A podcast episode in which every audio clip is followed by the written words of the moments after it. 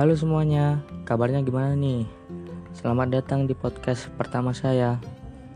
Kenalin nama saya Randy Firmansyah. Sering dipanggil copet.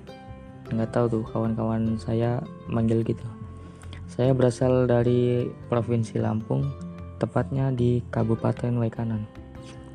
Saya mahasiswa baru di Institut Teknologi Sumatera dari program studi arsitektur lanskap. Mengapa saya memilih prodi itu? Karena skill saya di situ sih. Saya suka menggambar. Dan prodi ini memiliki prospek kerja yang sangat luas. Selain itu, prodi ini juga dianggap sebuah profesi yang setara dengan dokter dan pengacara. Karena mereka membutuhkan pengajaran khusus dan diinsentif profesional seperti yang dibutuhkan oleh pekerja profesional lainnya. Di sini saya akan membahas planning saya, e, lebih tepatnya rencana masa depan saya.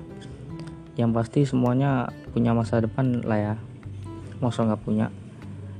E, untuk rencana saya dalam jangka pendek ini, saya ingin punya pemasukan sendiri sih, punya uang sendiri untuk kebutuhan kuliah. Ya untuk mengurangi biaya orang tua. Biar bisa lebih mandiri juga sih. E, untuk rencana selanjutnya saya ingin menjadi mahasiswa yang selalu aktif dalam kegiatan dan harus bisa lulus di waktu yang tepat.